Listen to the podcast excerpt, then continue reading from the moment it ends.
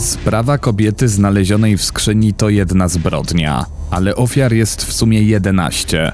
Właśnie tak można podsumować wydarzenia z samego początku lat 90.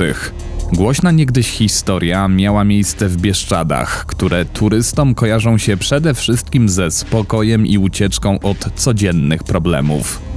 Malownicze góry stały się jednak świadkami wielu dramatycznych wydarzeń. Jednym z nich była katastrofa helikoptera, na pokładzie którego znajdowali się policjanci zaangażowani w śledztwo kobiety ze skrzyni.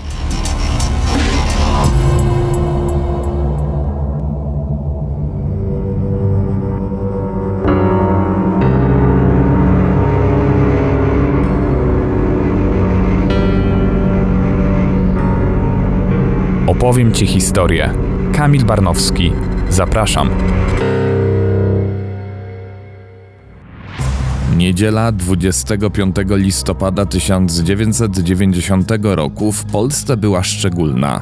To właśnie tego dnia odbyły się pierwsze w pełni równe i powszechne wybory prezydenckie.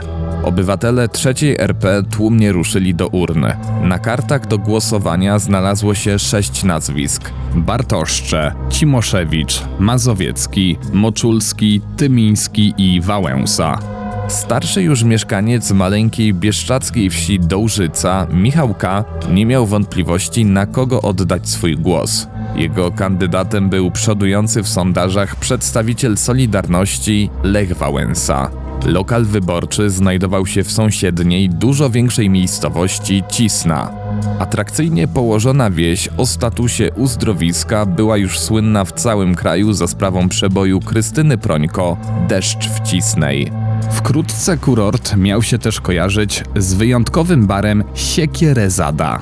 Turystów przyciągała dzika przyroda, wijąca się między górami czysta rzeka Solinka i możliwość przejażdżki bieszczacką kolejką leśną. Nic też dziwnego, że w urokliwej miejscowości wciąż powstawały kolejne ośrodki wypoczynkowe. Z Cisnej do Dołżycy, jak na lokalne warunki, nie jest daleko. Spacer krętą drogą z jednej wsi do drugiej zajmuje mniej więcej pół godziny. W dniu pamiętnych wyborów, mimo końcówki listopada, nie było śniegu ani dotkliwego mrozu. Pan Michał postanowił więc zabrać na głosowanie dwoje swoich wnucząt. Po wrzuceniu karty do urny, około południa wszyscy troje wracali już do domu wykoszonym poboczem. Dzieci szły przodem, momentami nieco zbaczając w stronę lasu. W pewnym momencie podekscytowane przywołały dziadka w okolice pobliskiego rowu. W krzakach dostrzegły coś intrygującego. Dużą skrzynię przykrytą gałęziami jodły. Mężczyzna spojrzał na znalezisko i pomyślał, że tak solidnie wyglądająca konstrukcja mogłaby się przydać do hodowli królików. Boki skrzyni były wykonane z fragmentów meblościanki, natomiast dwieko stanowiła cienka płyta pilśniowa pomalowana na żółto, biało i brązowo. Giętki materiał został na stale przytwierdzony do paździerzowego mebla za pomocą listewek i gwoździ. Pan Michał postanowił zajrzeć do środka. Uderzeniem kamienia odczepił pokrywę i uniósł ją do góry. Nie był przygotowany na to, co zobaczył. Okazało się, że pilśnia zasłaniała zwłoki siwowłosej kobiety. Przerażony mieszkaniec okolicy błyskawicznie zamknął trumnę. Odgonił ciekawskie wnuki i wybiegł na drogę szukać pomocy. Na szczęście akurat w tym momencie przejeżdżał patrol policji z Cisnej. Zaalarmowani funkcjonariusze od razu powiadomili oficera dyżurnego komendy rejonowej w Lesku, a ten z kolei ówczesną komendę wojewódzką w Krośnie. Wkrótce na miejsce przyjechała doświadczona ekipa dochodzeniowo-śledcza.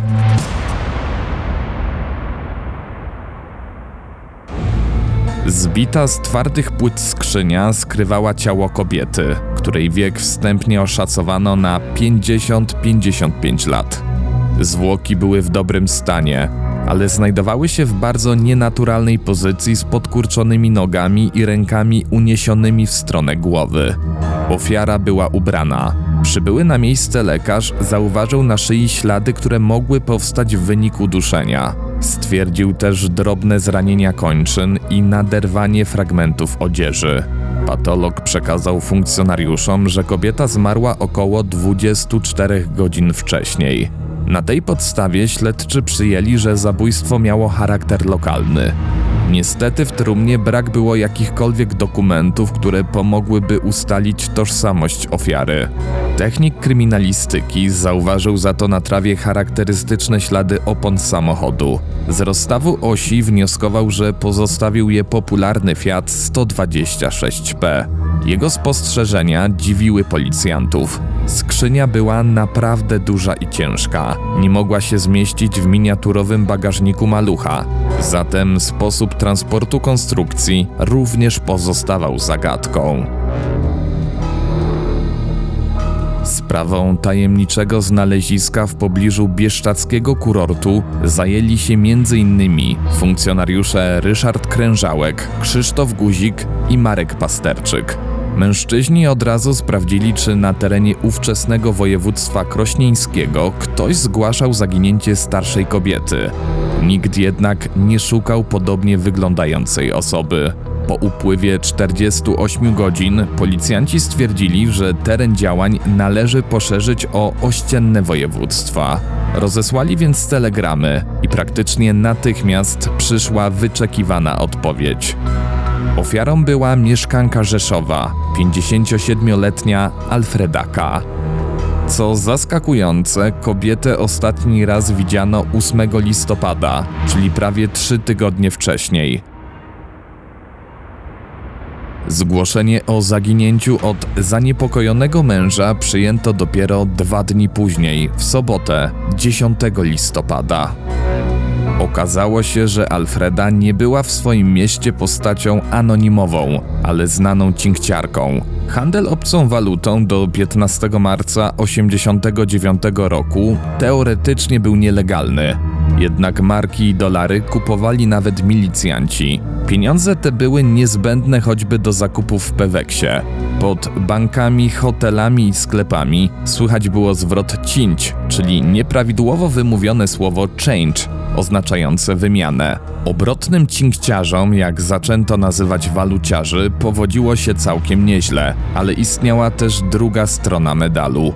Profesja nie należała do bezpiecznych i była ryzykowna, zwłaszcza dla słabych fizycznie kobiet, które jak Alfreda obracały dużymi kwotami.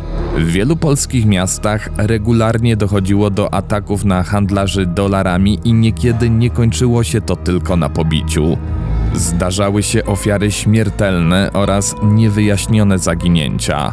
Zamknięte, zastraszone środowisko nie współpracowało ze śledczymi, bojąc się konsekwencji za uprawianie niedozwolonego procederu. Dlatego przestępcy pozostawali bezkarni.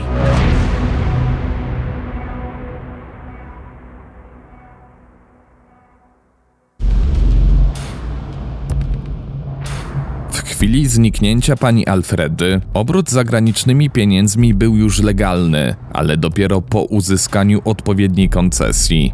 Powstawały pierwsze prywatne kantory, jednak w centrach miast nadal nie brakowało działających w szarej strefie cinkciarzy i polujących na nich bandytów. Nic zatem dziwnego, że mąż rzeszowskiej waluciarki bał się o jej bezpieczeństwo. Nie podobało mu się też to, że kobieta ciągle gdzieś wyjeżdża i późno wraca do domu. Zajęcie pani Alfredy było powodem ciągłych kłótni między małżonkami. Choć cinkciarka miała swoje własne problemy, zawsze z uwagą wysłuchiwała cudzych, służyła radą lub pomocą. Uchodziła za osobę sympatyczną, ufną, z dużym poczuciem humoru i silnie rozwiniętymi umiejętnościami negocjacji. Miała jednak świadomość istniejących zagrożeń, dlatego nigdy nie spotykała się z klientami w podejrzanych okolicznościach. Czwartek 8 listopada 1990 roku Alfreda K. była widziana po raz ostatni około 13.30 pod rzeszowskim Peweksem.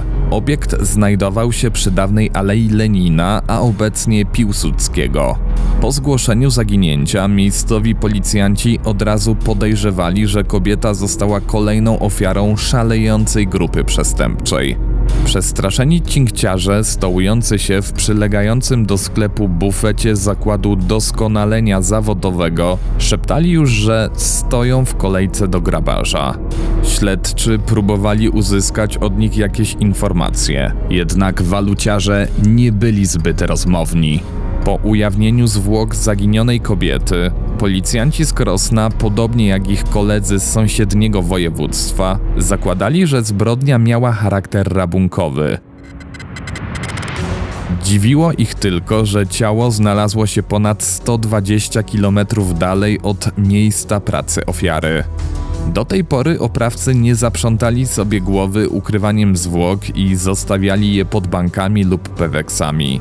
W początkowym etapie śledztwa, mimo wszystko zakładano, że z jakiegoś powodu mordercy wywieźli panią Alfredę głęboko w Bieszczady. Ale brano też pod uwagę, że pod pozorem transakcji mogli ją zwabić w okolice Krosna.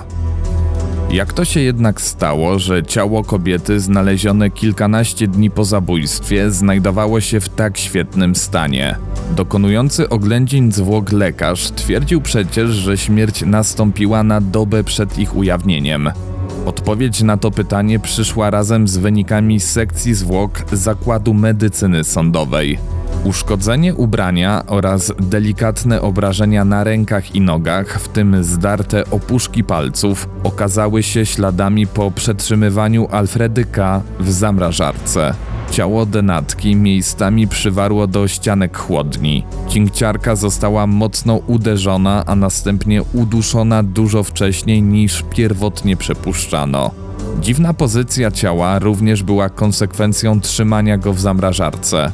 W związku z tym prowadzący śledztwo Marek Pasterczyk postanowił zrobić listę ośrodków wypoczynkowych w Bieszczadach, które z racji wydawania gościom posiłków dysponowały odpowiednio dużymi chłodniami. Nagłośnienie sprawy zabójstwa w lokalnych mediach jak zwykle spowodowało napływ anonimowych donosów i oskarżeń. Jednym z nich był sygnał o tym, że bandyci podstępnie zwabili cinkciarkę do altanki na terenie ogródków działkowych w Rzeszowie, po czym ograbili ją i zabili. Taka wersja nie pasowała do charakteru kobiety, ale dokładnie ją sprawdzono. Nie znaleziono jednak żadnych śladów przestępstwa, a podanie informacji o spotkaniu było podyktowane chęcią zemsty na wskazanych mężczyznach. Pojawiła się też hipoteza, że morderstwa dokonała któraś z przestępczych grup ukraińskich. Jak można się domyślać, hermetyczne środowisko waluciarzy za wschodniej granicy nie było skore do rozmów z policjantami. Śledczy powoli zaczęli się zastanawiać, czy aby na pewno zbrodnia miała charakter rabunkowy i skierowali uwagę na męża Alfredy. Mężczyzna zgłosił zaginięcie kobiety dopiero po dwóch dniach. Mogło się przecież zdarzyć, że zazdrosny lub rozzłoszczony kłótnią małżonek zabił cinkciarkę i przez kolejne doby zacierał ślady po zbrodni. Co więcej, miał samochód, który mógł wywieźć zwłoki, a 9 listopada, czyli na drugi dzień po zniknięciu żony, wziął z pracy przepustkę i nie potrafił odpowiedzieć na pytanie, jak ją wykorzystał. Podjęto zatem decyzję o przeszukaniu mieszkania pary. I oto w pełnym rupieci Pawlaczu policjanci odnaleźli listwę identyczną z tą, która przytrzymywała pilśniowe wieko skrzyni. Prokuratura w tamtym momencie była przekonana, że odnaleziono zabójcę. Mąż denatki został zatrzymany na 48 godzin i poddany wielu przesłuchaniom. Podejrzewany twierdził, że zaginięcie zgłosił tak późno, z obawy przed ujawnieniem, czym zajmowała się żona. Wyglądał na szczerze zrozpaczonego. Za krat ostatecznie wyciągnęły go wyniki badań znalezionej listewki. Okazało się jednak, że przedmiot różnił się od tego, który przybito do trumny. Zatem kolejna hipoteza zaprowadziła śledczych w ślepy zaułek. Jakby tego było mało, doszło do następnego ataku na kobietę handlującą walutą w Rzeszowie. Ciężko pobita cinkciarka zmarła, ale wcześniej dokładnie opisała napastnika. Stworzony portret pamięciowy dał policjantom nadzieję na rozwiązanie obu spraw. Niestety jego publikacja w lokalnych mediach niczego nie zmieniła. Zdesperowany podkomisarz Marek Pasterczyk postanowił wtedy poprosić o pomoc ekipę niezwykle popularnego magazynu kryminalnego 997. Emitowany od 1986 roku program już nieraz przyczynił się do rozwiązania skomplikowanych zagadek. Dzięki znajomościom pułkownika Jana Płócienniczaka, który był pierwszym prowadzącym magazyn, realizatorzy wraz z Michałem Fajbusiewiczem często przemieszczali się helikopterami MSW. Piloci i tak mieli obowiązek wylatać daną liczbę godzin w miesiącu, więc przy okazji zabierali do kabiny kilku pasażerów. Potężny radziecki śmigłowiec Mi-8T spalał 200 litrów paliwa na godzinę. Dlatego na dłuższe trasy umieszczano w nim 800-litrowy zbiornik z zapasem do zatankowania maszyny. Tym razem w Bieszczady wysłano wyjątkowy helikopter ze 103 Pułku Lotniczego Nadwiślańskich Jednostek Wojskowych Ministerstwa Spraw Wewnętrznych. Śmigłowiec miał namalowany herbarz Królestwa Hiszpanii. Zaledwie kilka dni wcześniej dowódca załogi, kapitan Paweł Prorok, wrócił nim z misji patrolowania górzystych terenów Półwyspu Iberyjskiego, który był zagrożony pożarami. Drugim pilotem był starszy chorąży Roman Pakuła. Nie zabrakło też technika pokładowego, czyli młodszego chorążego Jacka Główka. Obecność państwowego helikoptera była dla mieszkańców bieszczackiej wsi wielkim wydarzeniem. 10 stycznia 1991 roku maszyna wylądowała w Dołżycy na łące nieopodal stacji paliw. Aura sprzyjała filmowcom. Pogoda była spokojna, słoneczna i stosunkowo ciepła jak na środek zimy. Ośnieżone stoki prezentowały się efektownie zarówno na żywo, jak i w oku kamery. Michał Fajbusiewicz nagrywał rekonstrukcję zdarzeń, a następnie rozmowy z policjantami, którzy zajmowali się sprawą zamordowanej cinkciarki. Realizacja materiału poszła bardzo sprawnie. Już po dziewiątej taśmy nakręcone przez kamerzystów magazynu 997 znalazły się w śmigłowcu. Według planu helikopter miał wylądować w Rzeszowie w samo południe. Przed startem pilot jak zawsze musiał wykonać próbę silnika, czyli podnieść maszynę na kilka minut nisko nad ziemię. Bywało jednak, że ku uciesze gapiów zabierano ich na krótki kurs wysoko w powietrzu. Tak stało się i tym razem. Trzech policjantów poprosiło kapitana proroka, żeby pokazał im znajome okolice z niezwykłej perspektywy. Wśród chętnych na wycieczkę znalazł się m.in. podkomisarz Marek Pasterczyk, który prowadził tajemniczą sprawę Alfredy K. Na ekscytujący lot chciał się też wybrać policjant z Cisnej Krzysztof Antoniszak. Jednak z powodu zwichniętej nogi musiał zostać w domu. Swoją kurtkę na siedzeniu śmigłowca położył za to funkcjonariusz Ryszard Krężałek ale czekając na wzbicie się maszyny w powietrze, stwierdził, że musi jeszcze zapalić papierosa. Targały nim emocje. Bał się latać, jednak postanowił zmierzyć się z lękiem. Na jego szczęście żaden z pasażerów nie miał przy sobie zapalniczki, więc mężczyzna uprosił pilota, by na niego poczekał, po czym pobiegł do swojego samochodu. Kiedy szukał w nim zapałek, kapitan zrobił mu żart i odleciał.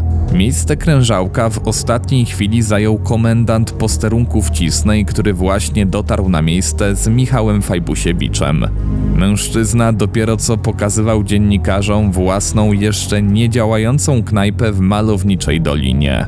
Ogółem oprócz trzyosobowej załogi na pokładzie helikoptera znalazło się sześciu policjantów i jeden cywilny pracownik Komendy Wojewódzkiej Policji w Krośnie.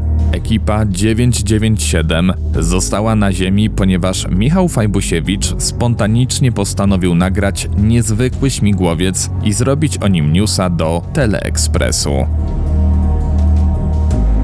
Niebo nad Dołżycą było błękitne, choć na południu nad masywem Jasło wisiała już ciemna chmura. Ciężki Mi-8T wzbił się w powietrze o 9.43.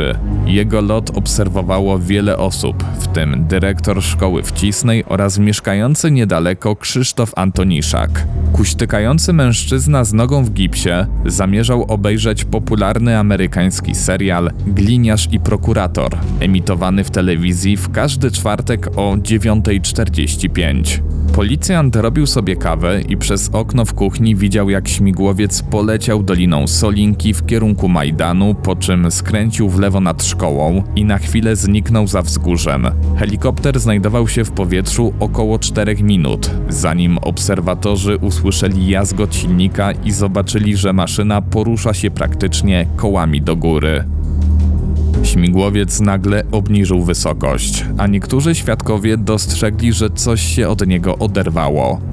Później nastąpił już tylko niesamowity huk. Pojawił się słup dymu i przerażająca cisza. Helikopter z dziesięcioma osobami na pokładzie runął na ziemię w odległości około 200 metrów w linii prostej od szkoły w Cisnej, u podnóża niewielkiego wzniesienia Rożki. Osoby, które widziały, co się stało, od razu popędziły na miejsce katastrofy. Jako pierwsi dotarli dwaj pracownicy szkółki leśnej, z których jeden był równocześnie ratownikiem GOPR. Zszokowani mężczyźni ujrzeli pościnane drzewa, zaoraną ziemię i roztrzaskany, płonący śmigłowiec. Siła uderzenia musiała być ogromna, ponieważ niektóre elementy maszyny wbiły się na głębokość kilku metrów w podłoże. Inne leżały porozrzucane w promieniu ponad 100 metrów. Już na pierwszy rzut oka było wiadomo, że we wraku próżno szukać żywych. Goprowiec Władysław Karabin chciał jednak wierzyć, że mimo wszystko ktoś się uratował, że być może w porę wyskoczył ze spadającego śmigłowca. Gorączkowo przeczesywał las, bo wiedział, że osoby ocalałe z katastrof często doznają szoku i zachowują się irracjonalnie. To znaczy siedzą w miejscu jak zahipnotyzowane lub biegną na oślep przed siebie. Rodziny pasażerów helikoptera jeszcze w nocy z latarkami przeszukiwały okolice. Na próżno. Nie przeżył żaden z dziesięciu mężczyzn.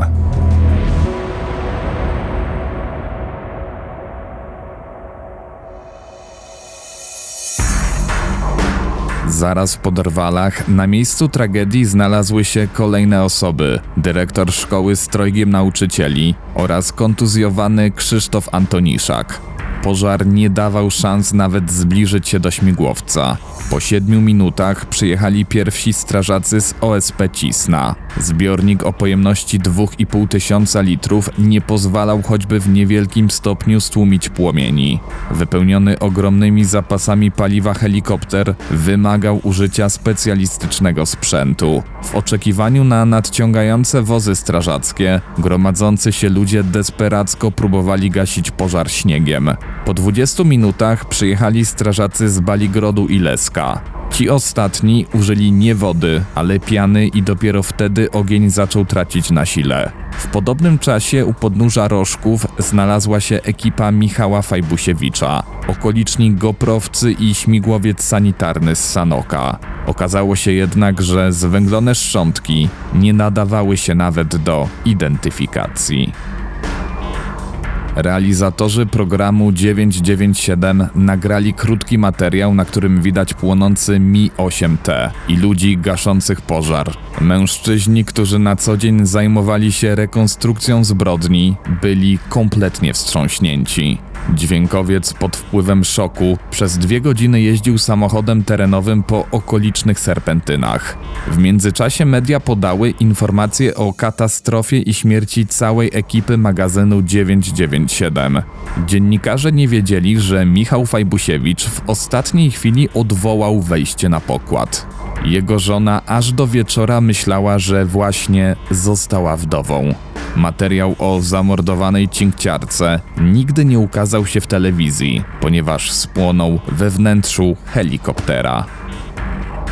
11 stycznia do Cisnej przyjechała komisja badająca wypadek. Dopiero wtedy rozcięto kabinę śmigłowca i wydobyto wszystkie ciała.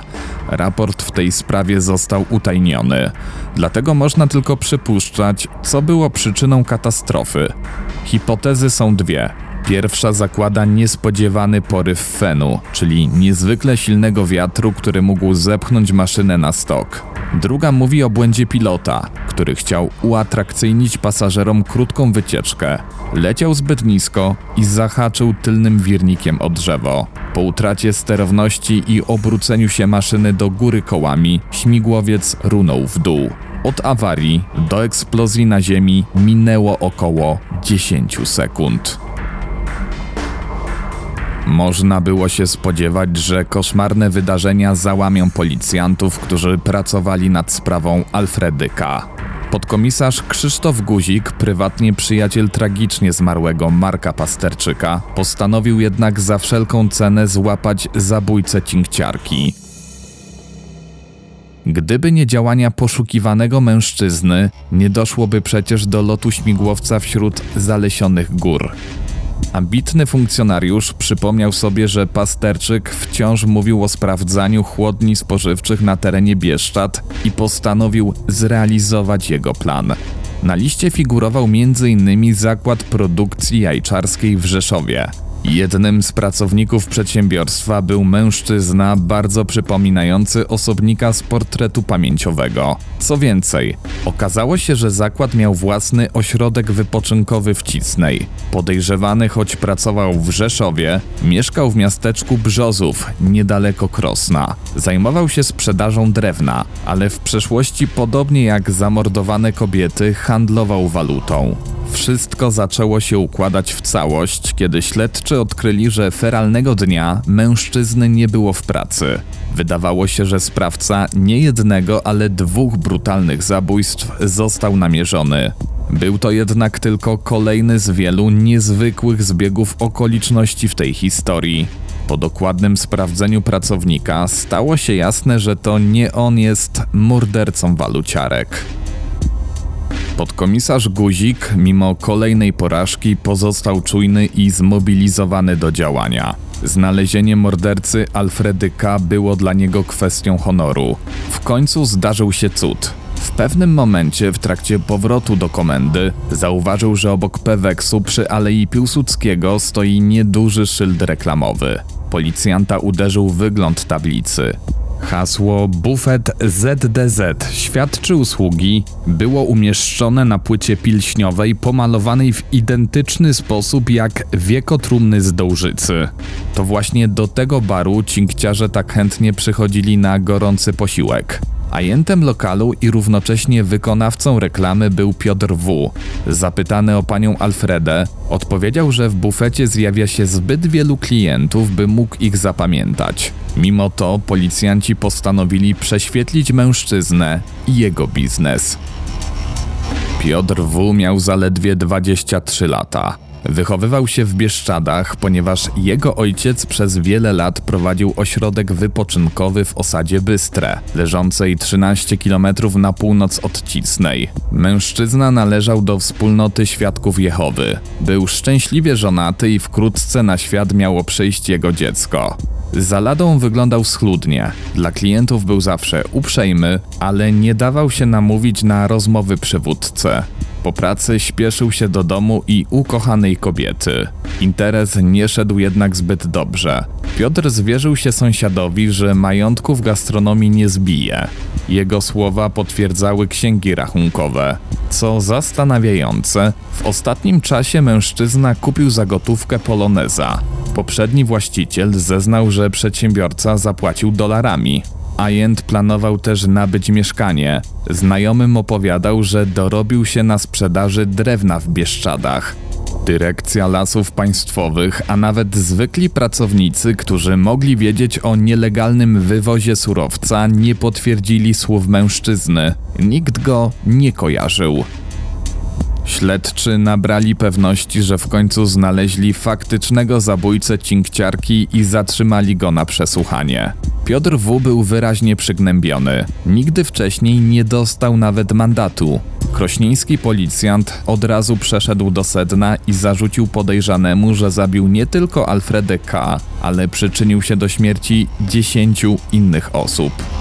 Mężczyzna załamał się, spuścił głowę i powiedział: Udusiłem ją. Jak to się stało, że spokojny, pracowity mąż, czekający na narodziny dziecka, dopuścił się tak koszmarnej zbrodni? Piotr W. tłumaczył, że jego ojciec naśmiewał się z pracy w bufecie i niskich dochodów. Sfrustrowany agent postanowił mu pokazać, że jest w stanie dorobić się sporych pieniędzy. Chciał też polepszyć byt powiększającej się rodziny. Znał cinkciarkę, bo stołowała się u niego w lokalu. Mężczyzna uznał, że ówna kobieta będzie łatwym celem. Zamówił u Alfredy K. 5000 dolarów. 8 listopada 1990 roku waluciarka poszła do pustego jeszcze bufetu na umówione spotkanie. Mężczyzna ugościł ją po przyjacielsku, serwując ciastka i herbatę. Kiedy kobieta wyciągnęła na stół pieniądze, wyszedł na chwilę na zaplecze pod pozorem przyniesienia złotówek. Po powrocie uderzył ją w głowę, przewrócił i udusił. Początkowo zwłoki planował zakopać w piwnicy, ale nie przewidział, że betonowa wylewka jest zbyt gruba, żeby się przez nią przebić. Właśnie wtedy w odruchu desperacji wrzucił ciało cinkciarki do chłodni, a następnie przysypał je pyzami i pierogami. Przez kolejnych kilka dni serwował mrożonki niczego nieświadomym klientom bufetu. Z fragmentu meblościanki zbudował dno i ściany trumny, a wieko zrobił z giętkiej płyty pilśniowej, której resztki zostały po wykonaniu szyldu. Całość połączył za pomocą listewek i gwoździ. Żeby wywieźć skrzynię, od jednego z członków rodziny pożyczył malucha z bagażnikiem na dachu. O pomoc w zamocowaniu trumny poprosił znajomego instruktora z zakładu doskonalenia zawodowego. Ten przysłał czterech uczniów, którzy załadowali bagaż, wierząc, że w środku znajdują się farby. Piotr W. zabezpieczył skrzynię linami i pod osłoną nocy przemierzył ponad 100 km na południe w rejon, który tak dobrze znał.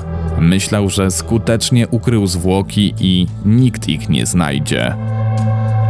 Wyrok w sprawie zamordowania Alfredy K. zapadł już w październiku 1991 roku. Sąd okręgowy w Rzeszowie zgodził się ze stanowiskiem prokuratora, który oskarżył mężczyznę o zbrodnię z premedytacją i zasądził 25 lat pozbawienia wolności. Tajemnicza skrzynia, którą znalazły spacerujące dzieci, okazała się nie tylko trumną, ale i swoistą puszką Pandory. Katastrofa helikoptera pod Cisną spowodowała śmierć wielu zdolnych mężczyzn i zniszczyła życie ich najbliższych. Rok później, 10 stycznia 1992 roku, w miejscu tragedii stanął obelisk z wyrytymi nazwiskami ofiar. Członkowie ich rodzin, przyjaciele i policjanci regularnie spotykają się u stóp broszków, składają wieńce i zapalają znicze. Pomnik jest oddalony o zaledwie 10 minut marszu od stacji Bieszczackiej Kolejki Leśnej. Prowadzi do niego czerwony szlak, którym wciąż podążają turyści zafascynowani dziką przyrodą.